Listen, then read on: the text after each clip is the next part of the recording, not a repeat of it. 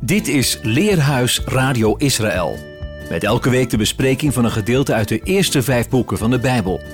De presentator van deze week is Siebe de Vos. Shabbat shalom, Shabbat shalom, Shabbat, Shabbat, Shabbat, Shabbat shalom, Shabbat shalom, Shabbat shalom, Shabbat, Shabbat, Shabbat, Shabbat shalom. We lezen vandaag Parashat Vayeshev. En hij woonde. De parasha loopt van Genesis 37 vers 1 tot en met 40 vers 23. De profetenlezing is uit Amos 2 vers 6 tot en met 3 vers 8. En de lezing uit de apostolische geschriften is Matthäus 1 vers 1 tot en met 6 en vers 16 tot en met 25. Jacob zettelt zich met zijn familie in Hebron.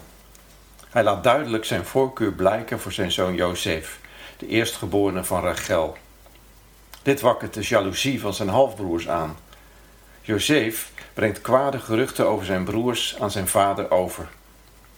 Jacob verergert de situatie wanneer hij Jozef een priesterlijk, veelkleurig gewaad aanmeet. Daarboven deelt Jozef nog eens tactvol de inhoud van twee profetische dromen.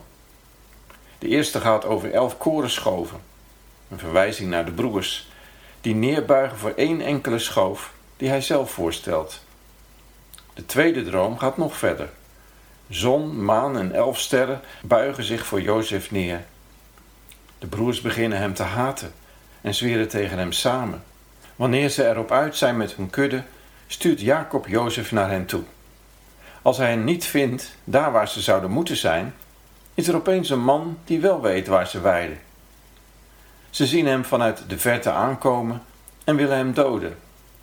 Maar Ruben overreed zijn broers om hem alleen in een put te gooien, om hem daarna te kunnen redden. Buiten zijn blik om trekken de andere broers hem uit de put omhoog en verkopen hem aan de Ismaëlieten.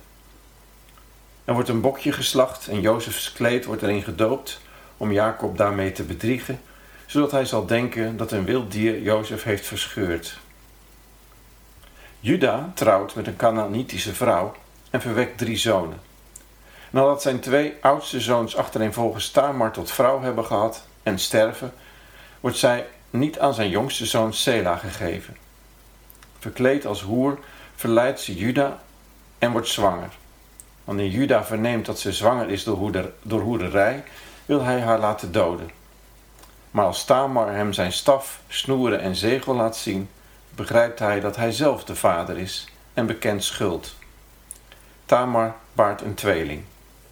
De eerstgeborene, Peres, wordt de voorvader van de Messias. Ondertussen is Jozef als slaaf verkocht in Egypte en komt terecht in het huishouden van Potifar, waar hij al snel opklimt tot subhoofd. Maar de vrouw van zijn baas doet verschillende pogingen om hem te verleiden. Wanneer hij niet op haar avances ingaat, schuift zij de schuld op hem af en verdwijnt hij in een gevangenis. Maar zelfs in de gevangenis klimt hij op en verzorgt daar als hulp eerste klasse zijn medegevangenen. Twee van hen zijn hoofdschenker en bakker van Farao. Ze krijgen allebei een droom. En Jozef weet hun dromen te duiden. Wanneer de hoofdschenker vrijkomt, denkt hij niet meer aan Jozef, maar vergeet hem.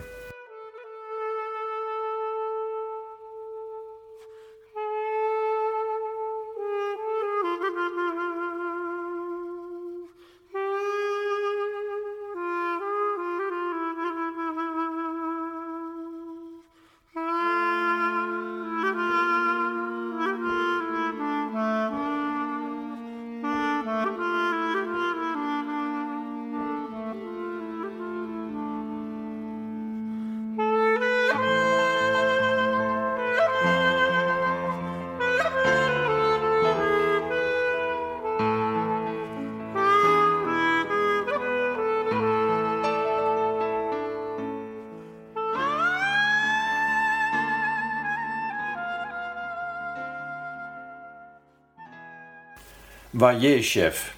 En hij woonde. De wortel Yashav betekent neerzitten, zich vestigen of wonen. Jacob woonde in het land. De waf voor Wajeshev is de haak die dit gedeelte aan het voorafgaande verbindt. Daar wordt gesproken over de toldot, het nageslacht van Esau, de vader van de Enomieten. Heel Genesis 36 handelt over de nakomelingen van Esau. En dan denk je misschien een heel hoofdstuk. Maar het is maar een fractie van de aandacht die uitgaat naar de toldot van Jacob. De rest van Genesis, van hoofdstuk 37 tot en met 50, gaat over de vorming van Israël. Wat Esau en zijn nakomelingen allemaal meemaken, hoe ze zich in Seir vestigen en zich met de Horieten vermengen. We lezen alleen geslachtslijsten en namen. Maar als het over het nageslacht van Jacob gaat, wordt ons veel verteld over de wordingsgeschiedenis van zijn familie. Volgens Rashi kan dit vergeleken worden met een parel die in het zand is gevallen. Men doorzoekt en zeeft het zand totdat de parel is gevonden. Daarna gaat het alleen nog maar om die parel. Het zand en de steentjes hebben hun waarde verloren. Een ander aspect is dat het voorgaande Torah-gedeelte stelt dat de nakomelingen van Esau zich settelden in het land van hun bezitting, de berg Seir en het land Edom. Maar Jacob woonde, liever gezegd verbleef, in het land Canaan als een vreemdeling, zoals de schrijver van Hebreeën in 11 vers 9 tot en met 10 het verwoordt.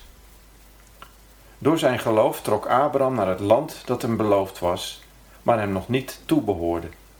Samen met Isaac en Jacob, mede-erfgenamen van de belofte, woonde hij daar in tenten, omdat hij uitzag naar een stad met fundamenten, door God zelf ontworpen en gebouwd.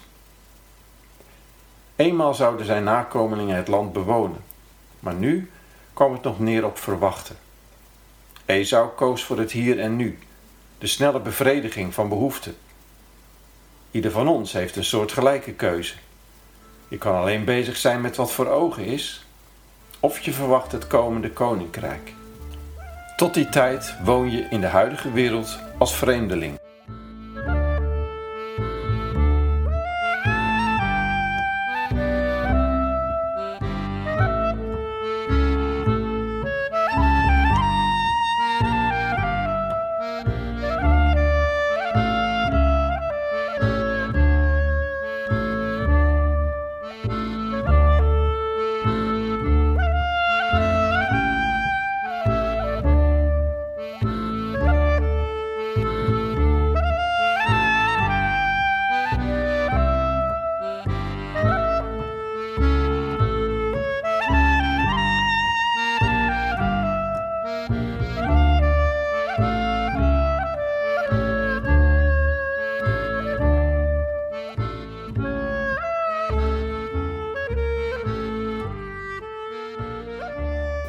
Het tweede vers van Genesis 37 luidt: Ele toldot Yaakov Jozef.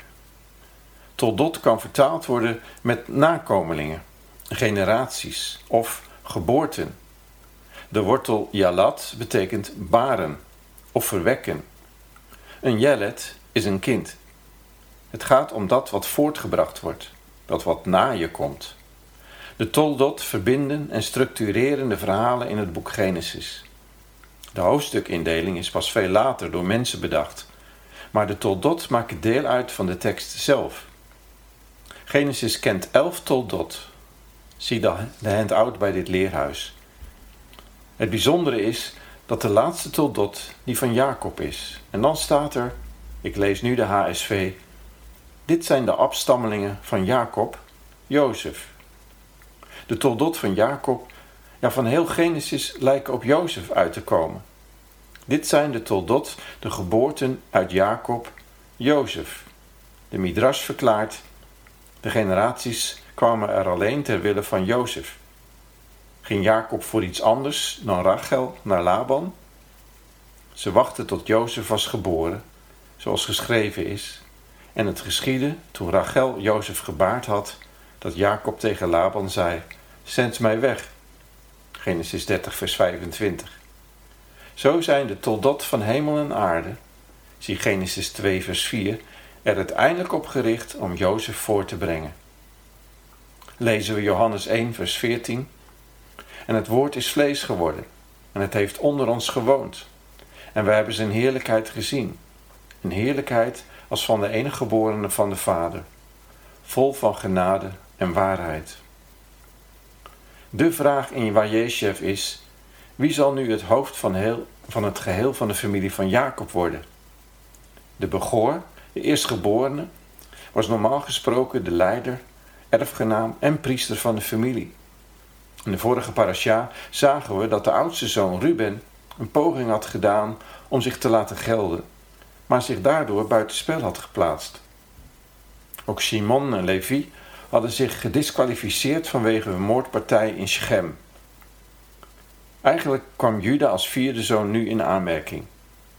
Lea had bij zijn geboorte gezegd: Nu zal ik God loven, en had hem Jehuda genoemd, lof. Toch was dat in de familie van Abraham niet vanzelfsprekend. De oudere broeder Ismaël werd weggestuurd. Hij mocht niet erven met de zoon van de belofte Isaac. Esau verspeelde zijn eerstgeboorterecht en de zegen van Abraham ging over op Jacob. Voor Jacob was het daarom helder. De zoon van zijn geliefde Rachel zou de nieuwe erfgenaam worden. Zij had hem Jozef genoemd. Hij mogen toevoegen. Hij droeg al een koningsmantel met zijn zeventiende. Zeventien is de getalswaarde van tof, goed. Maar het loopt wel anders dan Jacob kon voorzien. Henk Binnendijk zei ooit: Als je wilt groeien in het koninkrijk van God, zul je de trap naar beneden moeten nemen. Nu neemt de een die vrijwillig, terwijl de ander eraf wordt geduwd. Althans, zo lijkt het. Of is het toch andersom? Niets is wat het lijkt. Jozef gaat onvrijwillig een moeilijke weg, steeds dieper naar beneden, weg van zijn broers, van put naar Egypte, naar gevangenis. Juda lijkt hetzelfde vrijwillig te doen. Ook hij daalt af, maar hij zakt steeds dieper in de puinhoop van zijn eigen leven. En toch blijken hun levens innig met elkaar verbonden te zijn. Daarover gaat Genesis 38, als kleiner spiegelverhaal ingebed in het grotere Jozef-verhaal.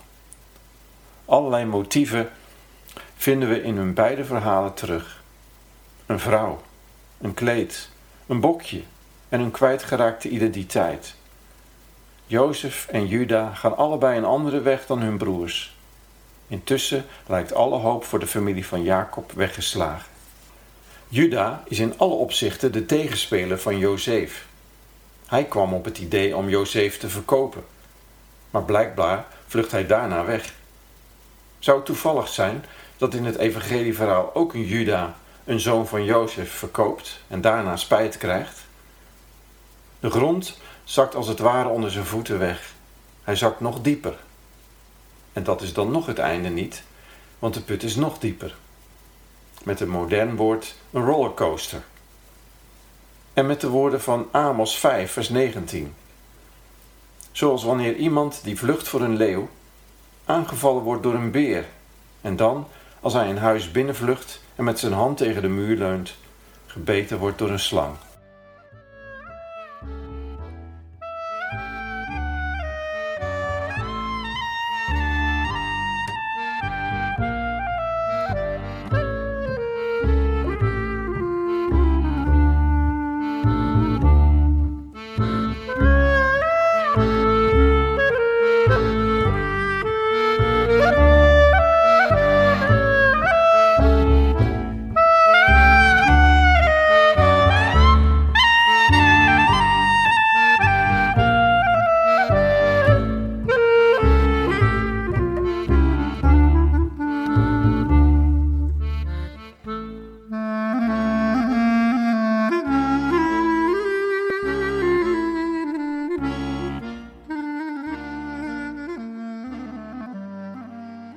We lezen Genesis 37, vers 14 tot en met 22.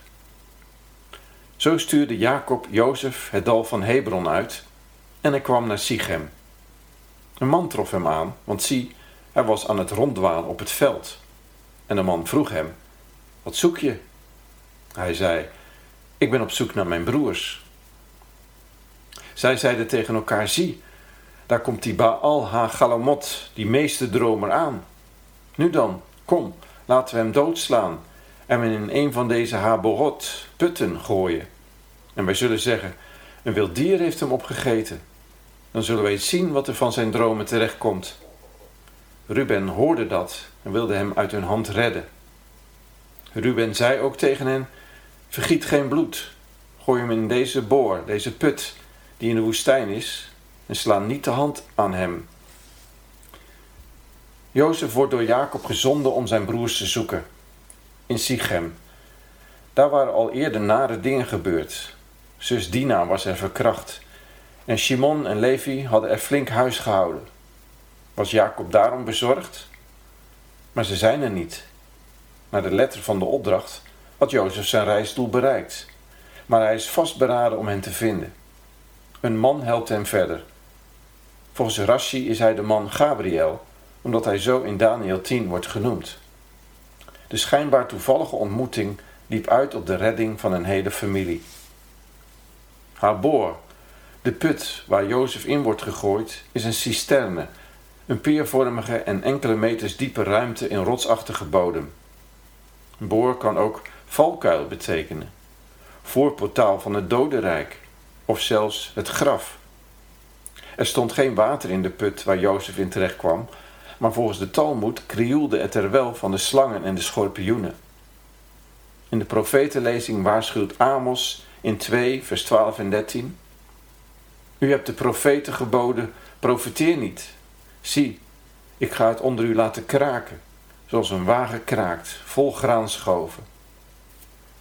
Dan Genesis 38, vers 1 tot en met 6. Het gebeurde in die tijd dat Juda van zijn broers wegtrok en zijn intrek nam bij een man uit Adulam. Zijn naam was Gira. Juda zag daar de dochter van een Canaanitisch man, zijn naam was Sua. Hij nam haar tot vrouw en kwam bij haar. Ze werd zwanger en baarde een zoon en hij gaf hem de naam Eer. Daarna werd zij weer zwanger, baarde een zoon en gaf hem de naam Onan. En ze baarde opnieuw een zoon en gaf hem de naam Sela. Het was in Gezief toen zij hem baarde. De Midrash verhaalt, de stamvaders waren bezig met het verkopen van Jozef. Jacob hulde zich in zak en as en Juda was bezig om een vrouw te zoeken. Terwijl de heilige, gezegend hij, bezig was met de schepping van het licht van de Messias. Daarom staat er, en het gebeurde in die tijd. Volgens Joodse commentatoren disqualificeerden de broers Juda van enig leiderschap toen ze zagen welk enorm verdriet zijn plan bij Jacob had uitgewerkt. Daarom vluchtte hij van hen weg. Letterlijk staat er dat Juda afdaalde. Hij zoekt een adulaam, een schuilplaats, bij een voorname man, en dat is Gira. Juda trouwt met de dochter van de Canaanitische Shua en hij verwekt Er, wakend, Onan, krachtig en Shela, zwak. Korter kun je het niet beschrijven. De naam van de vrouw wordt niet eens genoemd. Is Juda alleen op het lichamelijke gericht? Naar de maatstaven van deze wereld is hij wel gesteld. Maar alle alarmlichten gaan wel knipperen. Dit gaat fout. Is dit nu de erfgenaam van Abraham? De plaats Gezif, waar Shela ter wereld komt, wordt door Rashi geduid als falen. De vlucht in deze schouwplaats lijkt gedoemd om in een fiasco te eindigen.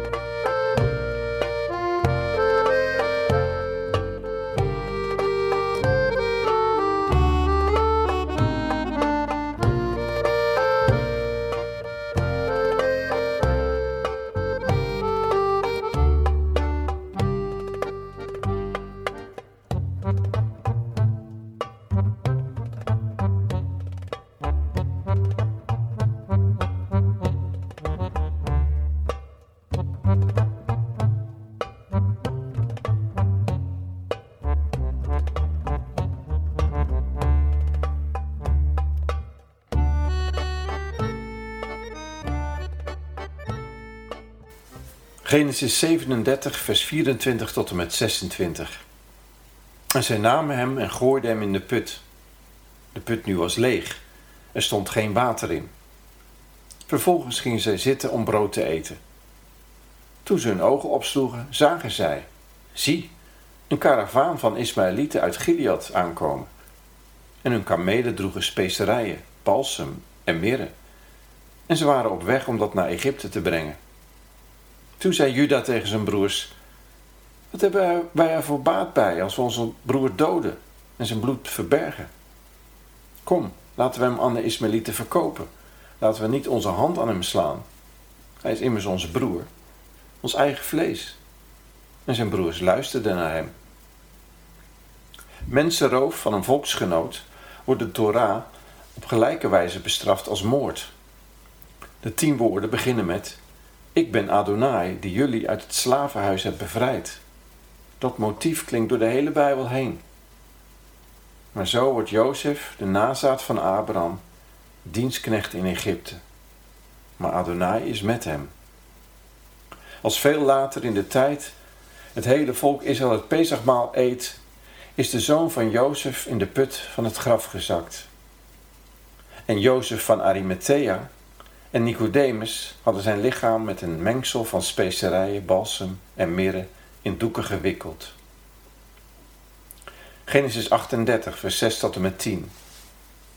En Juda nam een vrouw voor Er, zijn eerstgeborene. Haar naam was Tamar. Maar Er, de eerstgeborene van Juda, was slecht in de ogen van Adonai. Daarom doodde Adonai hem. Toen zei Juda tegen Onan: Kom bij de vrouw van je broer, vervul je zwagerplicht tegenover haar en verwek nageslacht voor je broer. Onan wist echter dat dit nageslacht niet voor hem zou zijn. Daarom gebeurde het, telkens wanneer hij bij de vrouw van zijn broer kwam, dat hij zijn zaad op de grond verspeelde om zijn broer geen nageslacht te geven. En wat hij deed was echter slecht in de ogen van Adonai, daarom doodde hij ook hem. Juda arrangeert een huwelijk met Tamar. Haar naam wordt wel genoemd en betekent dadelpalm, een van de zeven soorten vruchten van het beloofde land.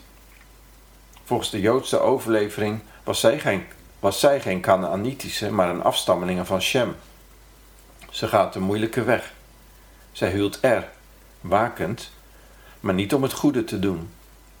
De Joodse traditie leest zijn letter Ayin Resh andersom. En dan wordt het tot Resh Ayin, ra, slecht. Er wordt verder niet verteld wat hij deed. Blijkbaar hoeven we dat niet te weten. Shaul, Paulus, zegt in Efeziërs 5, vers 11 dat we geen deel moeten nemen aan de onvruchtbare werken van de duisternis, maar ze veel eer moeten ontmaskeren. Er laat geen kind na. Onan, krachtig, is nog erger. Hij misbruikt Tamar, maar schenkt haar geen kinderen. Hij verspilt zijn zaad. Bij Shela, zwak, stokt het verhaal. Is Juda zo blind dat hij de oorzaak bij Tamar zoekt? Zij krijgt Shela niet en moet als een levende dode in een staat van voortdurende rouw bij haar vader wonen. Ligt het zaad van Abraham, dat de hele wereld zou zegenen, nu doelloos op de grond?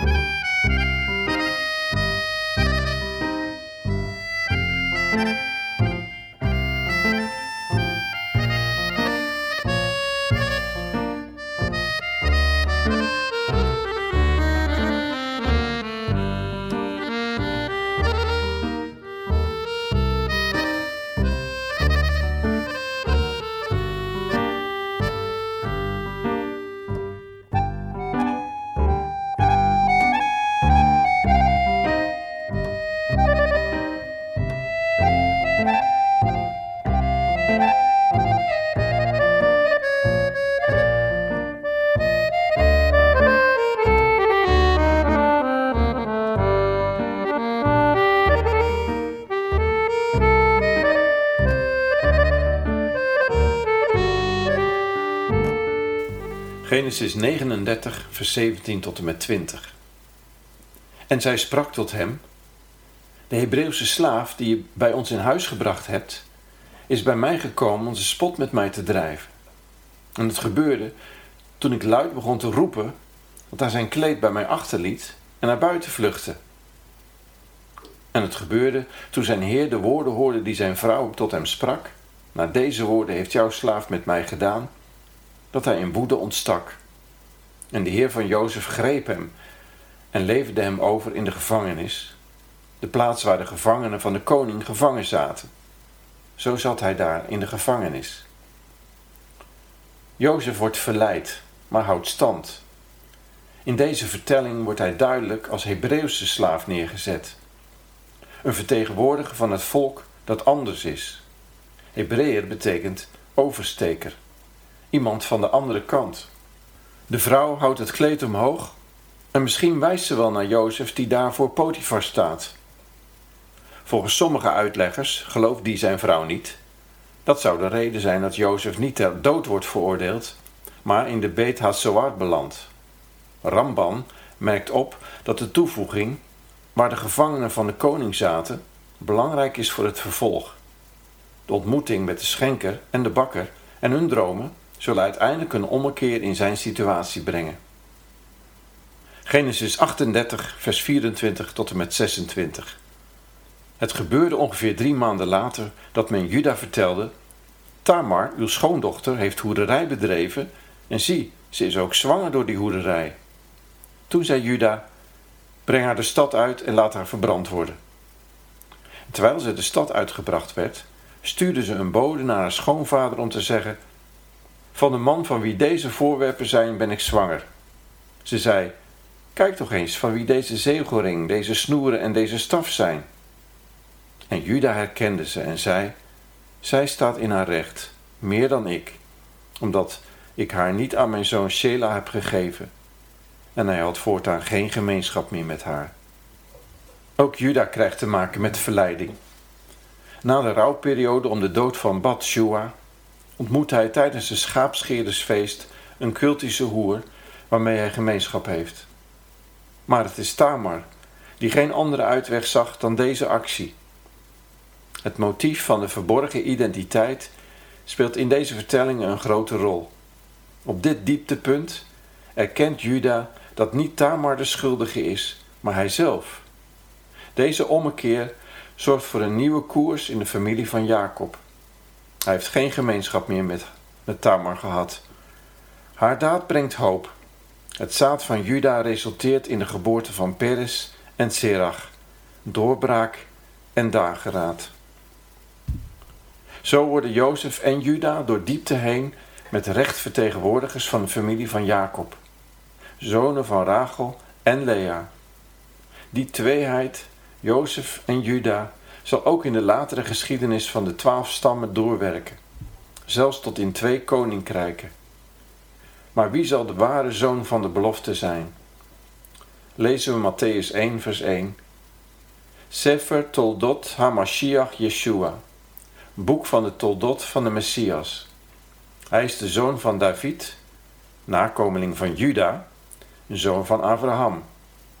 Maar in vers 16, Jacob gewon Jozef, de man van Miriam, uit welke geboren is Yeshua de Messias. En in Johannes 1, vers 45 noemt Filippus Yeshua tegenover Nathanael expliciet de zoon van Jozef. In Yeshua HaMashiach komen Juda en Jozef samen. Zijn toldot noemt ook vijf vrouwen: Tamar, Ragab, Rut, de vrouw van Uria, En tenslotte Miriam, uit wie hij geboren werd. En door welke diepte gingen zij? Ten slotte woorden uit Filippenzen 2, vers 5 tot en met 8. Laat onder u de gezindheid heersen die Messias Yeshua had hij die de gestalte van God had, hield zijn gelijkheid aan God niet vast, maar deed er afstand van. Hij nam de gestalte aan van een slaaf en werd gelijk aan een mens. En als mens verschenen heeft hij zich vernederd en werd gehoorzaam tot in de dood, de dood aan het vloekhout.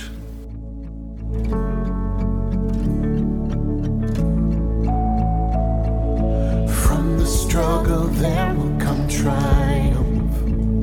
You are strong.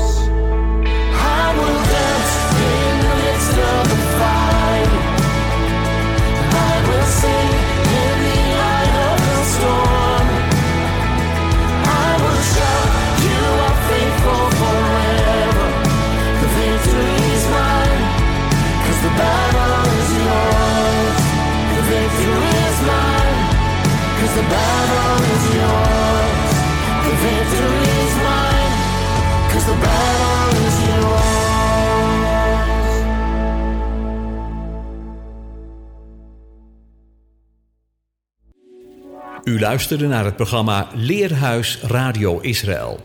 Een wekelijkse studie aan de hand van de Bijbelgedeelten die wekelijks door de Joodse gemeenschap worden gelezen. Heeft u een vraag of opmerking? Stuur dan een e-mail naar info@radioisrael.nl.